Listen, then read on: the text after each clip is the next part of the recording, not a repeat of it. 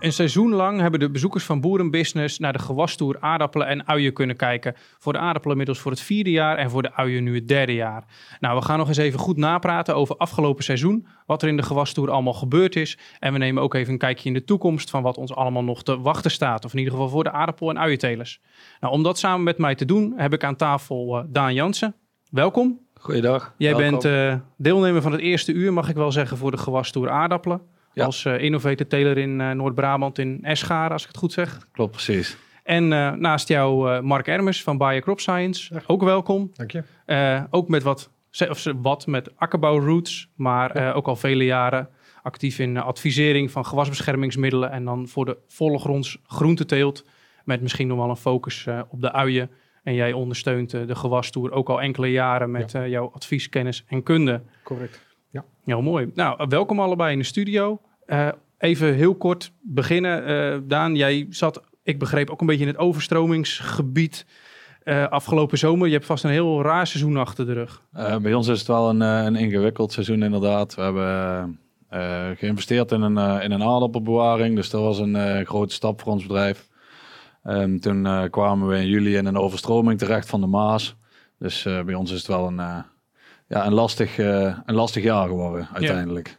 Ja, en je hebt waarschijnlijk uh, de voorbije drie seizoenen en gewastoeren heel veel beregend. En dit jaar ineens stond je alleen maar water af te laten. Um, ja, het rare is eigenlijk dat we ook nog stonden te beregenen ondertussen. Dat we toch okay. uh, een overstroming hadden. Maar uh, we hebben in dat opzicht wel een, een rustiger seizoen gehad. Um, in verband met beregenen dan. Kijk, natuurlijk de gewasverzorging was daarentegen wel weer iets drukker als de laatste jaren. Ja, en nu in je nieuwe bewaring uh, heb je alles achter de planken zitten of moet je nog rooien? Nee, we moeten nog een heel klein beetje rooien, maar dat is, uh, dat is wel te doen. Ja, nee. oké. Okay. Het rooien seizoen is wat dat betreft wel uh, naar tevredenheid is, verlopen. De rest is wedergekeerd. Oké. Okay.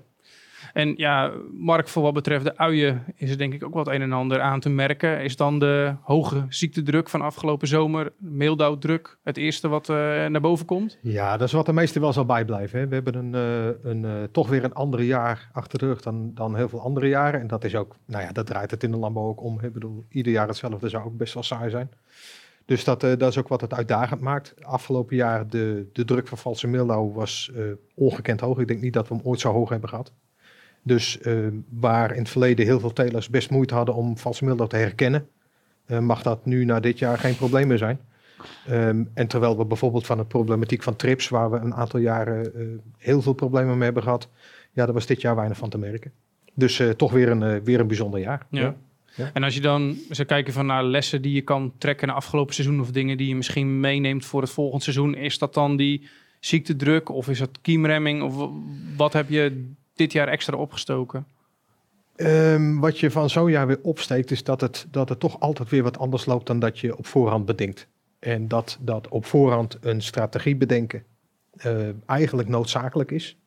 Um, want op het moment dat je die strategie bedenkt, ben je ook beter in staat om in te spelen op wat anders gaat lopen. Als je op, dat op dat moment nog moet bedenken, dan, dan sta je misschien wel een beetje voor het blok. Terwijl als je daar van tevoren uh, je tijd van neemt om erover na te denken welke scenario's zijn er allemaal. En als dat gaat spelen, hoe, hoe kan ik daar dan mee omgaan? Dan denk ik dat je beter gesteld bent. Ik wil niet zeggen dat het allemaal makkelijker wordt of goed gaat, maar je, bent, je kunt er wel wat makkelijker op, uh, op inspelen, denk ik. Ja, en een beetje in het verlengde daarvan, uh, we merken dat akkerbouwers in het algemeen nu heel erg aan het vooruitplannen zijn naar komend seizoen, naar de kosten die misschien wel fors toenemen, naar de beschikbaarheid van bepaalde producten, kunstmest, maar misschien ook wel gewasbeschermingsmiddelen. Is dat inderdaad uh, goed om dat, om dat nu te doen? Verwacht jij dat het komend seizoen ook wel eens een uitdaging kan gaan worden? Ja, ik vind dat een lastige vraag. Ik denk dat je op, op heel veel gebieden, of nou chip, chips voor auto's zijn of, of bedenk het maar, op heel veel gebieden zie je dat de wereld gewoon in economie groeit en dat de behoefte naar dingen uh, wereldwijd toeneemt. En als er dan ergens in een radertje een, een, een, iets spaak loopt, dan zie je dat dat sneller dan in het verleden leidt tot problemen in mijn beleving is dat nog geen reden voor bijvoorbeeld gewasbeschermingsmiddelen om nu uh, paniek te zaaien te zeggen, je moet nu aan de bak met inslaan, want het komt niet goed. Uh, aan de andere kant weet ik ook niet of het niet zo gaat zijn. dus ik vind, dat, ik vind dat een moeilijk punt. Heb, ik, heb, heb jij daar keuzes gemaakt? Daar heb jij al gezegd van nou, ik heb meer van tevoren besteld met kunstmest daar al op geanticipeerd voor komend jaar? Nou, we hebben helaas niet geanticipeerd op kunstmest. Um, en met deze prijzen denk ik ook niet dat het verstandig is om daar uh, flinke stappen in te maken. Dus uh, wij, uh, wij wachten het maar gewoon even af. Ja, ja. En, en die, nou, die extreme, we noemen dit jaar die overstroming, dat hoop je waarschijnlijk de komende honderd jaar niet meer mee te maken. Maar kun je je daar tegen wapenen? Eh, maak je daar keuzes in? Nou, de discussie zou nou kunnen zijn om, uh, om op de uiterwaarden geen percelen meer uh, te huren of ja, aan te kopen. Of in ieder geval uh, gewassen te telen op de uiterwaarden. Maar goed, kwalitatief is de hoogwaardige grond. De laatste keer is 40 jaar geleden geweest dat dit uh, voorgekomen is. Dus ja, zou, ja, of er reëel risico is dat het volgend jaar weer uh, overstroomt, is natuurlijk wel, wel af te wegen. Ik denk dat wij wel in zekere mate rassenspreiding gaan doen op de uiterwaarden. Uh, nou hadden we bijvoorbeeld uh, alles van één ras op de uiterwaarden staan. Dan heb je meteen met je opslag een probleem, want je krijgt dan die, die cel niet vol. Dus waarschijnlijk als we op de uiterwaarden verder gaan telen, zullen er zal er wel een spreiding worden in, in rassen. En ja, goed, jullie telen een, behoorlijk areaal op allerlei grondsoorten. Als je kijkt bedrijfsbreed, zijn er dan maatregelen die je, die je neemt? Heb je de laatste jaren veel geïnvesteerd in beregening of andere rassen? Doe je dingen anders dan, dan voorheen? Nou goed, we hebben ehm, ons bedrijf is eigenlijk ook uh, flink in omvang gegroeid. Dus we hebben sowieso aan de hand daarvan ook uh, meegegroeid met onze berekeningsinstallaties. Um, zeker op de zandgronden met, met hete zomers ja, is eigenlijk om de week terugkomen niet voldoende.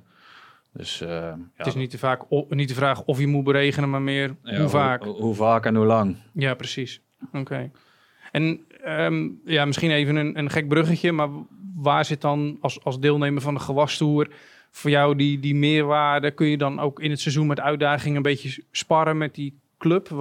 Nou, op zich is het uh, gewoon een uh, leuk initiatief sowieso. Dat je door Nederland heen ziet hoe uh, mensen er op dit moment voor staan.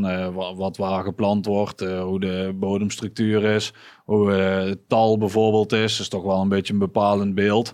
Dus in dat opzicht is het al hartstikke leuk om, om daar met collega's een beetje over te sparren.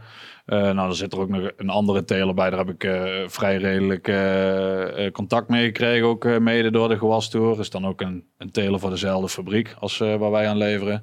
En sindsdien hebben we wel wekelijks contact. Dus je krijgt ook wel een, een bepaalde binding met, met mensen van de gewastoer. Dus dat is ook wel, wel leuk. Ja, je hebt eigenlijk een soort, soort klankbord, een soort studiegroepje, zeg maar.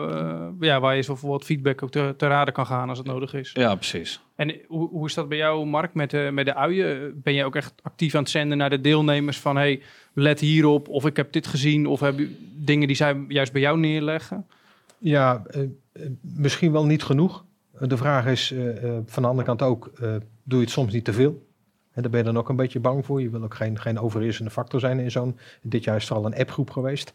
Um, en dat merk je wel, dat coronamaatregelen en corona algemeen zet wel heel erg de rem op het verhaal. Hè? Waar je normaliter zegt, we gaan bij elkaar op, op, bedrijfsbezoek.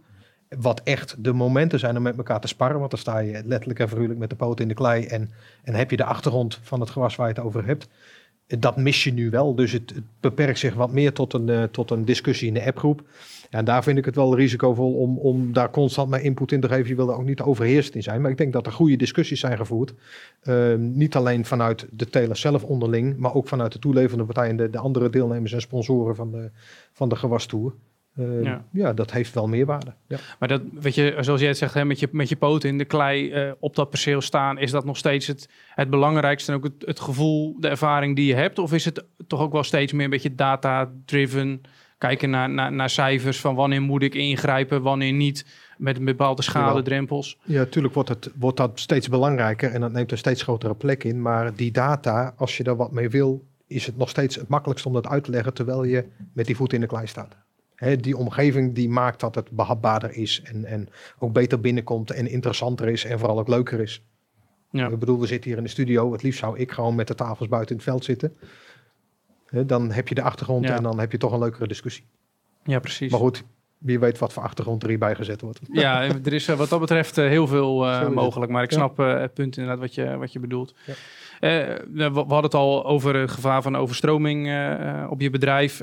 over, over droogte met beregeningen. Dat, dat grillige klimaat.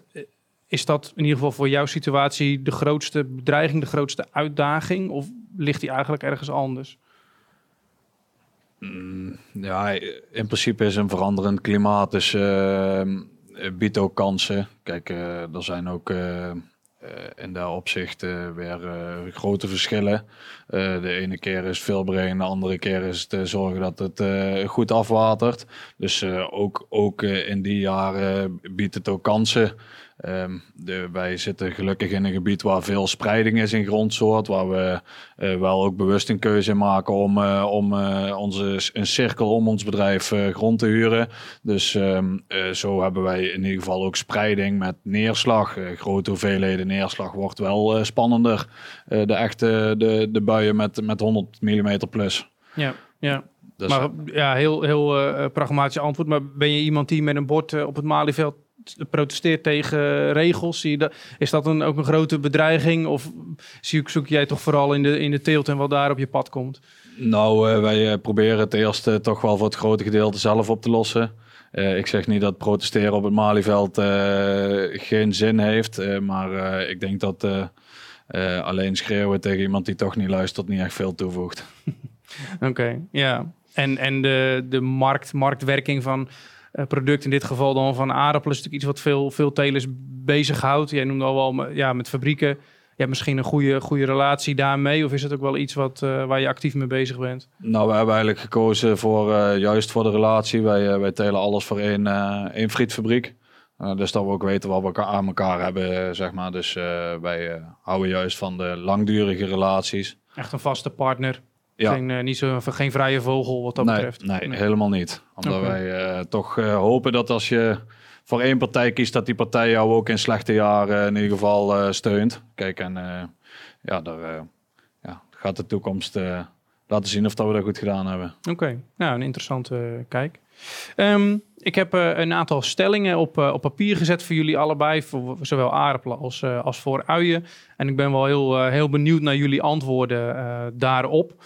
Um, om te beginnen even voor jou, Daan. De Hollandse zomer is een zegen voor mijn gewassen. Ben je het daarmee mee eens of oneens? Um, toen het begon te regenen waren we er heel blij mee dat we een jaartje niet zo hoefden te beregenen als de afgelopen jaren. Um, maar we komen er eigenlijk toch wel achter dat alle gewassen die wij verbouwen toch ook wel echt zonlicht nodig hebben. Dus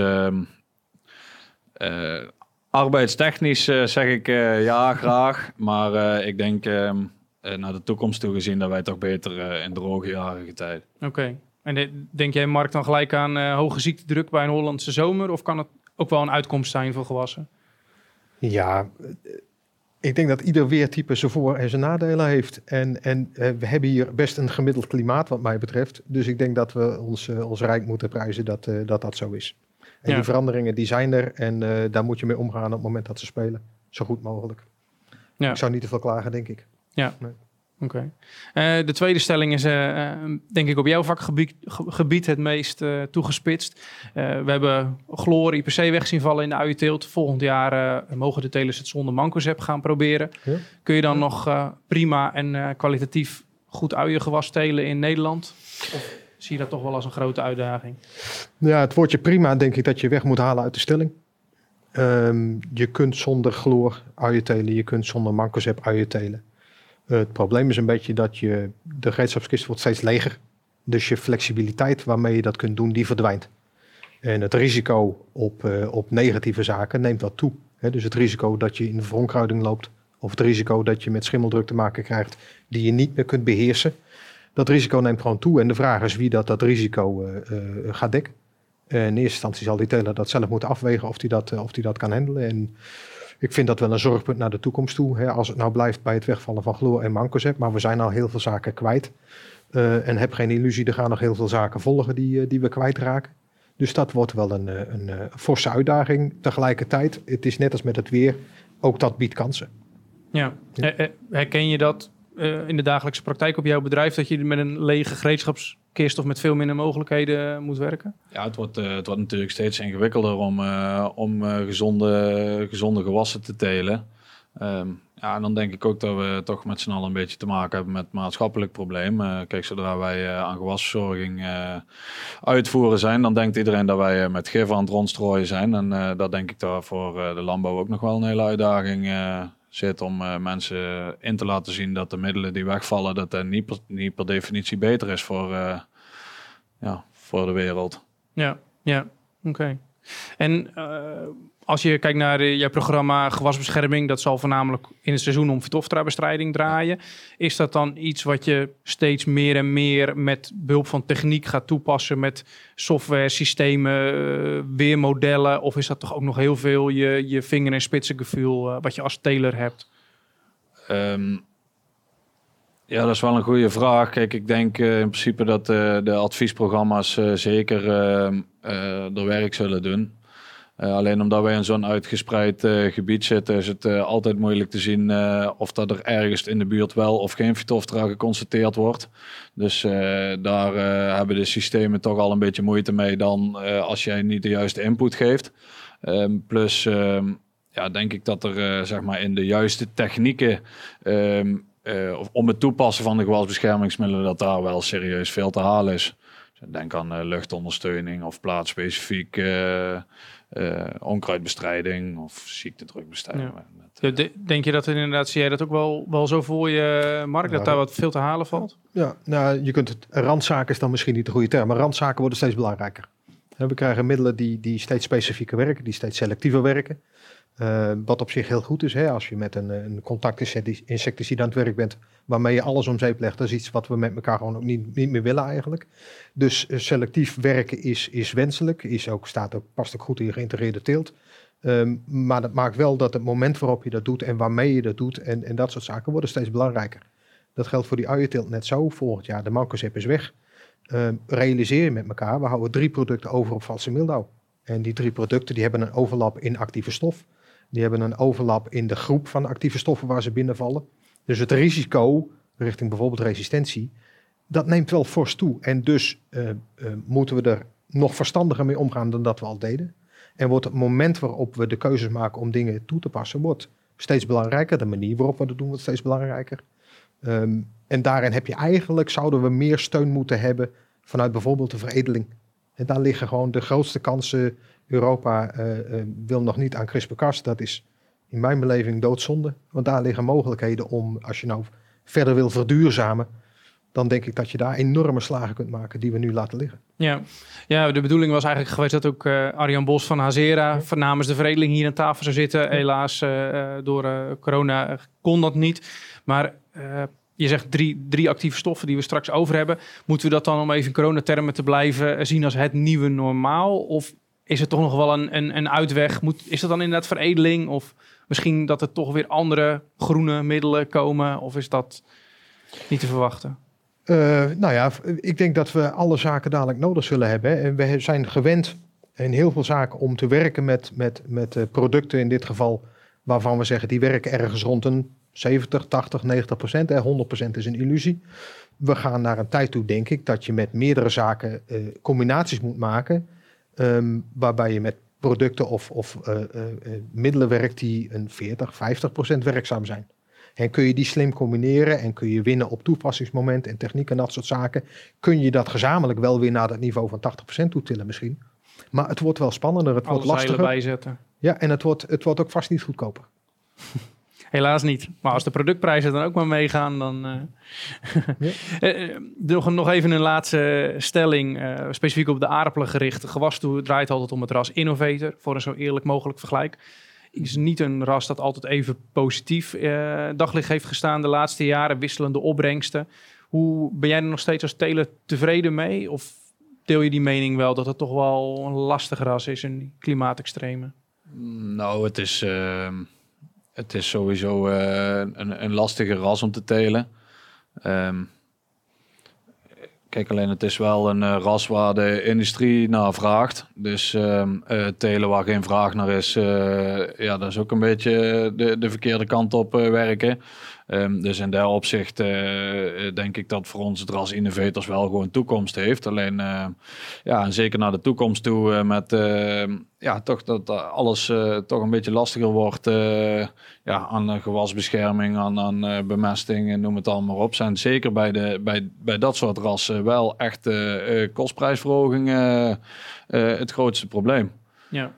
Ja, en die moeten het uiteindelijk wel weer door de afnemer, door de partij vergoed worden. Of, ja. ja. Ja, ja waar, waar uh, de rassen waar voor hun uh, de meeste marge op zit, zou uh, bij ons ook de meeste marge op moeten zitten. Ja. Kijk, en dat is, helaas niet altijd aan de orde. Nee, het klinkt wel heel eerlijk inderdaad als je het, eh, als je het zo stelt. Zeker met alle uitdagingen die we... Ja, als je bijvoorbeeld eh, ja, de termijnmarkt neemt. De termijnmarkt is gewoon gebaseerd op aardappels en niet, niet specifiek op een premium ras. Dus vandaag eh Fontana stelen, om maar een, een makkelijke ras te noemen. Eh, ja, daar, daar, daar ben je voor hetzelfde geld aan het verkopen als, jouw als jouw premium ras. En dat is, dat is gewoon scheef. Dat, dat gaat gewoon niet. Voor, die, voor dat geld kunnen wij gewoon geen aardappels stelen. Nee, nee. Nou ja, je, je vertelde eerder inderdaad, je wil graag als een, als een partner, misschien wel als een premium partner gezien worden voor de afnemer. Dus hopelijk dat het in ieder geval in jouw situatie dat ook eh, zich letterlijk uitbetaalt. Ja, Ja. Ja. Maar zien we je volgend jaar terug eh, als deelnemer van de gewastoer? Kun je als dat de gewastoer doorgaat, dan eh, gaan wij er ook mee door. En zie- zien we jou volgend jaar ook weer terug, Mark? Dat lijkt mij een prima idee. Oké, nou Ja. dat is denk ik een hele mooie afsluiter. Bedankt voor jullie komst allebei naar de studio. En eh, nou ja, tot volgend jaar. Graag gedaan.